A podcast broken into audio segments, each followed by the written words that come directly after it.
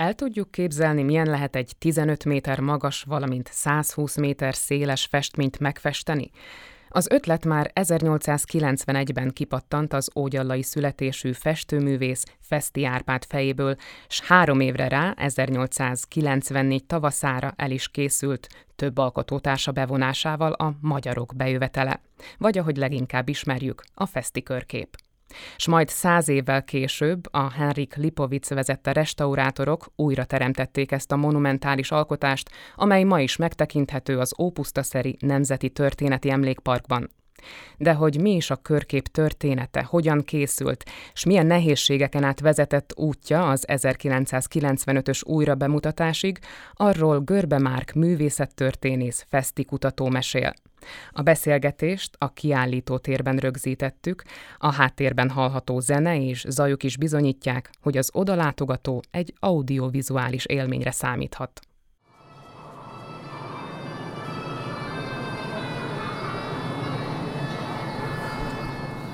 Tehát, hogy most egy 3D-s moziban vagyunk, egy korabeli 3D-s moziban? Igen, ezt is mondhatjuk. A körképek vagy panorámaképek azzal a célral készültek, hogy egy teljes illúziót adjanak. Úgyhogy a műalkotás az igazából nem csak a közel 1800 négyzetméteres festett vászon, hanem a hozzá tartozó műterep is. Vagyis azok a kövek, gerendák, illetve földfelület, amelyet itt kialakítottak, amely úgy tűnik, mintha háttérbe olvadna, vagyis nagyon nehéz meghatározni, hogy hol ér véget a műterep, és hol kezdődik a festmény. Igazából ez a célja a körképnek, hogy azt az érzést keltse, mint hogyha az ember ott lenne a Volóci völgyben, ahol a magyarok táboroznak, illetve harcolnak, vagyis átélhesse azt az élményt, hogy milyen volt Árpád idejében megérkezni ide. Mesélj kérlek a körképnek a, a történetéről. 1889-es évi Párizsi világkiállításon támadt Feszti Árpádnak az ötlete az ott támadt panorámaképek alapján, hogy itt Magyarországon is létre kéne hozni egy ilyet. Az eredeti ötlete az a vízözönnek a megfestése volt, ugyanis a különböző felhőknek, illetve a vad hullámzó víztömegnek az ábrázolása az felkeltette az ő érdeklődését tájképfestőként. Aztán rábeszélte Jókai Mór, az apósa arra, hogy nem biztos, hogy szerencsés ez az ötlet ott a vízben döglődő marhákkal és egyebekkel, hanem valami magyar szívnek közelebb álló tematika kellene, ami a millennium alkalmával a körképen szerepeljen, úgyhogy állítólag az ő ötlete volt, hogy a magyarok bejövetelét fessék meg. Árpád nemzeti érzelműként rögtön kapva kapott az ötleten, hogy valóban zseniális, Árpád éppen megérkezik a vezéreivel, körbe tekint a völgyben, amely a hazája lesz, és hát a szlávok magyaroknak az ütközetét is ábrázolja. Úgyhogy végül is ez az a téma, amely itt ábrázolásra került. És elkészült ez a körkép, és a millénium ünnepségeken mutatták be igen, a célzat az, az volt, hogy a millennium ünnepségekre legyen valamilyen nagy látványosság. 1892-ben kezdték a festést, a vázatok készítését már egy évvel korábban. Kivonultak festőtársaival, Feszti Árpád Spányi Bélával, illetve Megyánszki Lászlóval, valamint Vágó Pállal és Újvári Ignáccal a már emlegetett Volóci völgybe, ez Munkács környékén van, és ott Kendereske falu közelében lévő dombon felütöttek egy négy ablakos sátorkunyhót. És innen megfestették a tájat és ezt a tájat használták fel később. Medjánszki már a körképnek a létrehozásában, megfestésében nem segítkezett, úgyhogy ez egy tévhit, amit évtizedek óta hangoztatnak. Ő a vázlat, a tájkép vázlat elkészítésében vett részt, utána az 1800 négyzetméter megfestésében már nem játszott szerepet. Viszont a többi festőtárs az együtt maradt fesztivál, úgyhogy együtt dolgoztak ezen a hatalmas méretű művön, később más alkotók is csatlakoztak hozzájuk, mert hogy olyan gigantikus munka volt, volt, éppen ezért nem is lehetett a tervezet egy év alatt befejezni, úgyhogy nem 93-ban, hanem végül 1894 májusában sikerült átadni. Feszi nem volt elégedett, ő úgy érezte, hogy még befejezetten, úgyhogy a munkatársaknak, amikor egyszer hazament aludni, úgy kellett szétszerelniük gyorsan az állványt, hogy nehogy eszébe jusson Fesztinek még egyszer fölmászni rá és tovább dolgozni. Miért Feszti nevéhez kötődik, csak ha többen dolgoztak rajta? Azért, mert az alapkoncepció, illetve a kompozíció egésze az Feszti Árpádé. Úgyhogy ő volt az, aki kitalálta, hogy mit ábrázoljon, hogy ábrázoljon, mik legyenek rajta, úgyhogy igazából a festőtársak azok már egy kész képet kaptak kicsiben, amit aztán fel kellett nagyítani, és a Feszti pasztelképé alapján ki kellett színezni, és olajval elkészíteni. Úgyhogy itt igazából az ötlet és a vele kapcsolatos kompozíciók az mind Feszti Árpádnak a fejéből pattant ki. A többi művész azok csak közreműködtek ebben, és a megvalósításban segítkeztek. Most ópusztaszeren látható ez a körkép, de hol volt az eredeti megjelenése? Eredetileg az Andrási út végén a Hősök terétől balra elhelyezkedő telek, amelyet a fővárostól béreltek. Ezen a telken építették fel Feszti Árpád testvére Gyula tervé alapján a rotundát, egy körképet magába foglaló épületet, amely alkalmas volt arra, hogy azonos méretű körképek, amik léteztek akkor Európában, hogy azokat is befogadja. Ugyanis a régi tendencia szerint ezeket utaztatták, ezeket a látványosságokat, ezért volt fontos, hogy a méret egyező legyen, hogy más városnak a körkép pavilonjában is kiállításra kerülhessen. Ezért került a Festi körkép Londonba az 1800-as évek végén, ahol aztán hát anyagi okok miatt, tartozások miatt igen sokáig tartóztatták, úgyhogy egészen 1909-ig kellett arra várni, hogy visszatérhessen a fővárosba. Ekkor azonban már nem az eredeti helyén kapott e, elhelyezést, mert hogy 1906-ban felépül a Szépművészeti Múzeum. Úgyhogy le kell bontani a körképkavilont, ami a helyén volt. Úgyhogy úgy magyar modra ideiglenes jelleggel egy jó 30 évig egy fabódéban, hát egy fapavilonban kapott helyet a Városligetben, mégpedig a mai körhintával szemközt lévő térrészen. Úgyhogy a 40-es évekbeli lebombázásaig ott állott a körkép ebben az idéglenes épületben. A lenti feszti tárlat részeként láthatók felvételek, hogy hogyan özönlöttek a népek a budapesti feszti körképre és hogy Dankó Pistáik játszottak zenei aláfestést, tehát hogy ez egy ilyen ekkora attrakció volt? Igen, hát ez a millennium ünnepségek egyik leglátványosabb attrakciója volt, és hát Danko Pistáik, hogy játszottak-e közben, én nem mernék megesküdni. Danko Pistáik tényleg játszottak, de a körképfestése közben, ugyanis annyira fáradtak voltak már a művészek, hogy nem bírtak ébren maradni, úgyhogy vödörszámra főzték nekik a fekete kávét, és szavaltak különböző színészbarátaik a festőknek, meg valóban Danko Pista és muzsikusai játszottak, hogy el ne aludjanak festés közben festék, úgyhogy az utolsó időben mind minden segítséget igénybe kellett venni, úgyhogy szegény Jókai Rózát, akit maga a férje Feszti Árpád tiltott el a festészettől, még őt is felkérték, hogy közreműködjön, mégpedig a halottaknak a megfestését bízták rá. Ugye Jókai Róza a maga félbehagyott festészeti tanulmányaival a halottak elkészítésére alkalmas volt, azoknak ugye mindegy, hogy áll keze lába, úgyhogy ő volt, aki szintén közreműködött a körkép ezen alakjainak megalkotásában. Az is hallható, hogy Festi tulajdonképpen belerokkant ennek a körképnek a megalkotásába. Ez így van, olyan nagy idegfeszültséggel járt, és annyi fizikai erőbefektetéssel a közel 1800 négyzetméter megfestése, illetve a megszervezése az egész munkának, az anyagi bizonytalansággal és minden egyébbel tetézve, hogy miután elkészült a művel és átadták, azután aludni sem tudott idegességében, úgyhogy nem tudta, hogy hogyan pihenje ki magát, mit csináljon. Végül is visszavonult Ógyalla a szülőfaluja melletti Kingyes községbe, ami egy tanyavilág volt, ott volt neki egy kis parasztháza, és állítólag ott leheveredett a földre, és ott sikerült elsőként aludnia. A körkép megfestését követően egy igazán jó ízűt, úgyhogy ott kipihente magát szülőföldjén, így sikerült feldolgozni ezt a, hát valóban igen csak megterhelő élményt. Újvári Ignác, aki a tájképi részek megfestésében közleműködött, szerintem szintén belerokkant a körképbe, ugyanis az elkészítést követően költözött ki Budapestről Kisorosziba, az ottani kis Duna szigetre, és az attól kezdve el sem hagyta, legalábbis lakás céljára nem költözött sehová máshová, hanem az ottani műtermében festette továbbiakban békésen és magányosan, úgyhogy azért ez egy olyan méretű vállalkozás volt, ami igencsak igénybe vette a közreműködőknek a testi egészségét és mentális egészségét egyaránt. Mondhatjuk azt, hogy ez egy túlvállalás volt? Igen, ezért is szeretem Festit, mert nagy álmai voltak, amikben mondjuk belerokkant legtöbbször, de attól még kivitelezte és megvalósította őket. A körkép életében ott tartottunk, hogy 1909-ben tért vissza Londonból, és aztán ki volt még valahol állítva, vagy jött az az időszak, amikor összegöngyölve hevert valahol? Hát 1909, a 20. század már nem a körképeknek az időszaka, vagyis ez a, ennek a fajta látványosságnak az erejét elvették például a mozik, amik akkor terjedtek el, úgyhogy már nem volt annyira népszerű műfaj.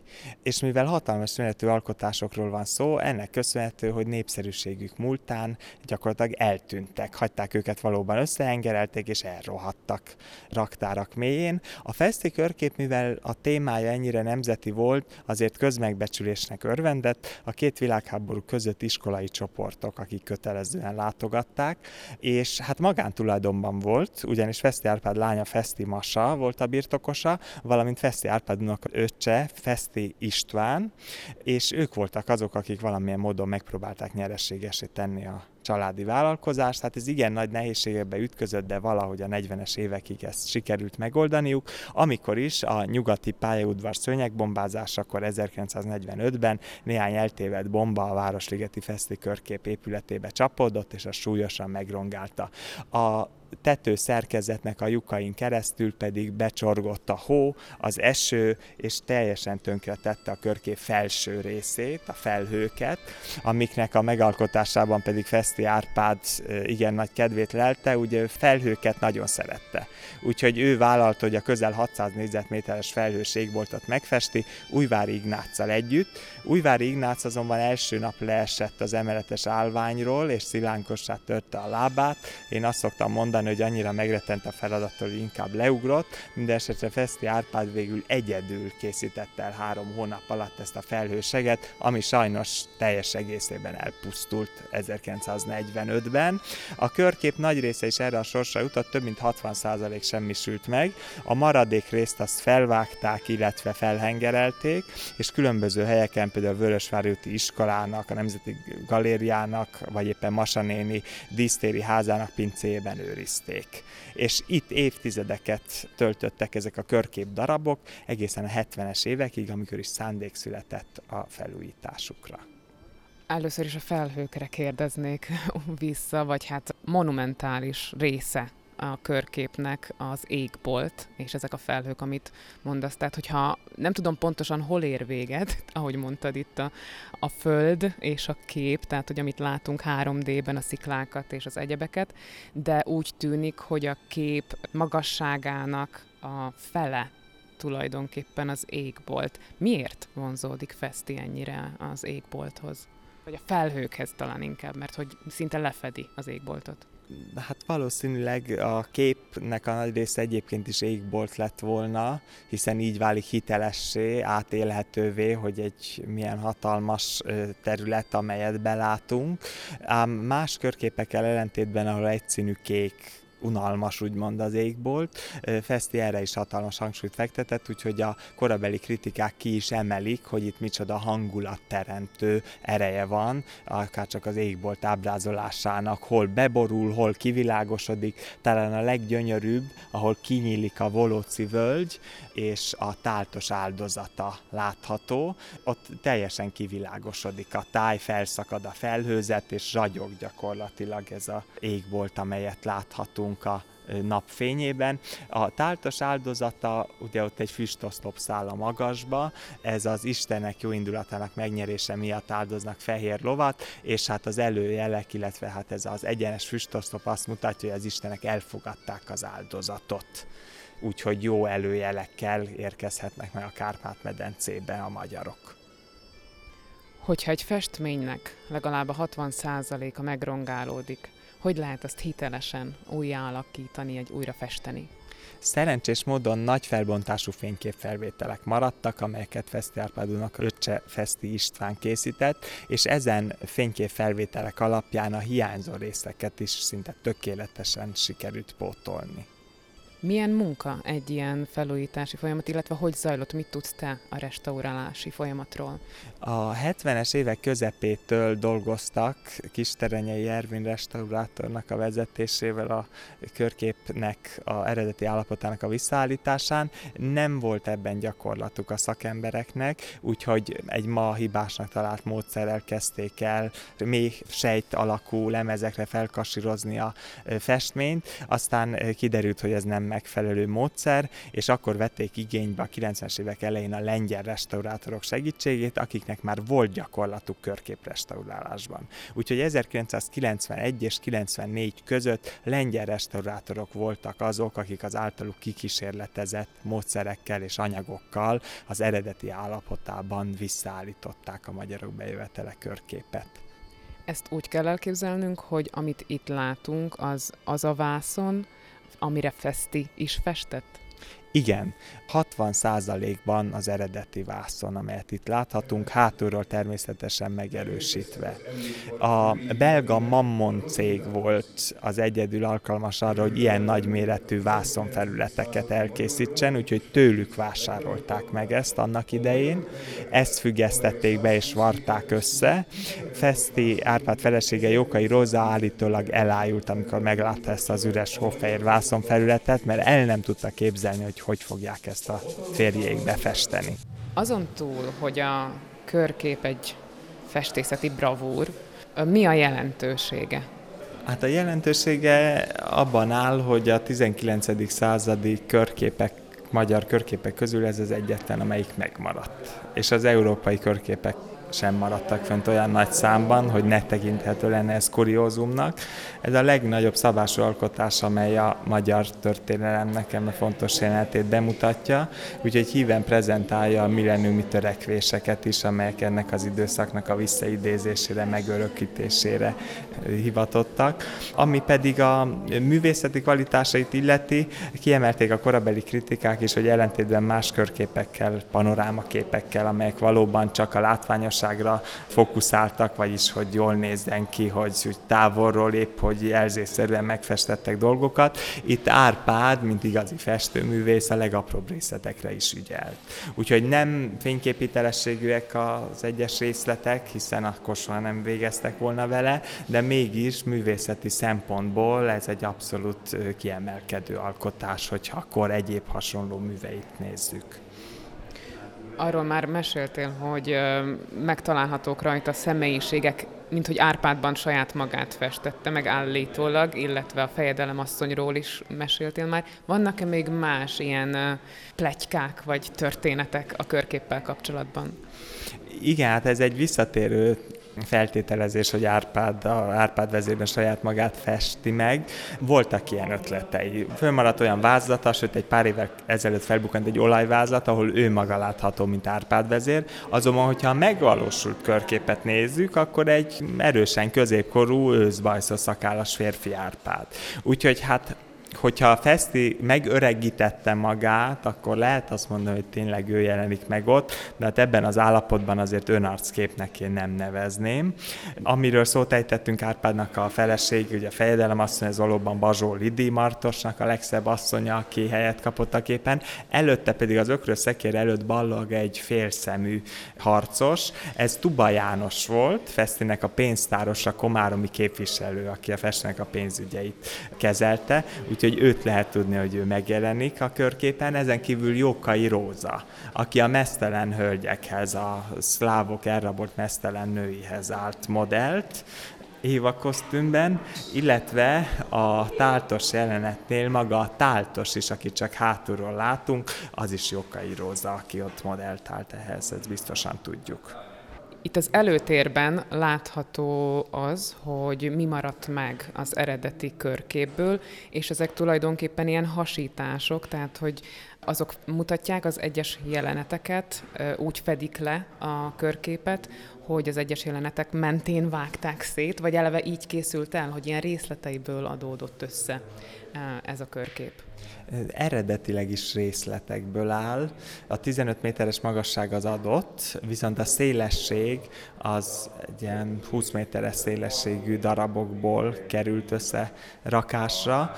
Ezek hát sok esetben valóban követik a jeleneteknek a vonalát, de a jeleneteknél átmosodnak egymásba, hogyha letáborozásról vagy lovasroham jelenetről van szó, úgyhogy nem feltétlenül jelenet határokat jeleznek, hiszen az egész műnek a célja az, hogy egyetlen nagy látványt jelenítsen meg, ami nem különíthető el olyan szigorúan, de valóban hat főbb jelenetre osztható a körkép, amelyek közül a leglátványosabb ugye Árpád és vezérei, akik állnak és körbe tekintenek a csata helyszínén, velük átelemen a táltos áldozata, ahol fehér lovat áldoznak a magyarok istenének, és körbe leányok táncolnak, mások meg figyelik az áldozat sikerességét, és hát ezek között az egyik oldalon van a lovasroham jelenet, jelenet, a másik oldalon pedig a, a letáborozás tevékkel, marhákkal, az előtérben pedig a szláv barlanglakások, amelyek feltűnnek. Van-e olyan hiedelem, vagy olyan képzet a körképpel kapcsolatban, amit a történészek megcáfoltak már így utólagosan? Igen, a Festi rendkívül alapos kutatásokat végzett. Még a császári könyvtárban is járt Bécsben, hogy egy nehezen hozzáférhető orosz nyelvű művet tanulmányozzon, úgyhogy a kor tudásának megfelelően rekonstruált mindent, a magyaroknak a fegyvereit, kinézetét, lovaikat, a szlávok földvárait, például a szláv földvár ábrázolását azt Trajanus oszlopáról vette, ám ugye azóta eltelt majdnem másfél évszázad, úgyhogy nagyban fejlődött a történelem tudomány is, Ma már más ismeretekkel bírunk, úgyhogy történelmileg nem hiteles minden részlet, amelyet itt láthatunk, de egy művészeti alkotásnak nem a történelmi hitelessége, amely az értékét adja, vagyis nem az növeli és csökkenti, hanem az a művészeti invenció, illetve kvalitás, amelyel készül. Neked van-e kedvenc részleted a körképben? Nekem a lovasroham jelenet, ugyanis annak a komponálásához Árpád a legmodernebb módszereket használta föl, a hordozható Kodak fényképezőgépét. Az 1890-es években dobták elsőként piacra hordozható fényképezőgépet, amihez nem kellett egy külön laboratórium a működtetéséhez, és a lovasroham jelenet, hogy hiteles legyen, martosi legényeket kért fel Árpád a rekonstruálására a csata jelenetnek, akiket megfelelő mennyiségű alkoholos itallal látott el, majd ezt követően felkérte a részeg legényeket, hogy verekedést imitáljanak a Martos melletti homokos pusztán, amit ma is mutogatnak a helyek, hogy ezen a réten volt a íres lovas roham, amelyről aztán, vagyis a részeg legények verekedéséről egy fotósorozatot készített Feszti, és ezek segítették, hogy hitelesen ábrázolja a körképnek ezen jelenetét. Tehát elmondhatjuk, hogy sok ember áldozatos munkája van ebben a projektben. Így van, de a fő érdem az valóban Feszti Árpádé, aki összefogta ezen munkálatokat, és megvalósította a magyar festészetnek a legnagyobb méretű művét. Görbe Márk művészettörténészt, Feszti kutatót hallották, aki az Ópusztaszeri Nemzeti Történeti Emlékparkban látható Feszti körkép kalandos történetét ismertette.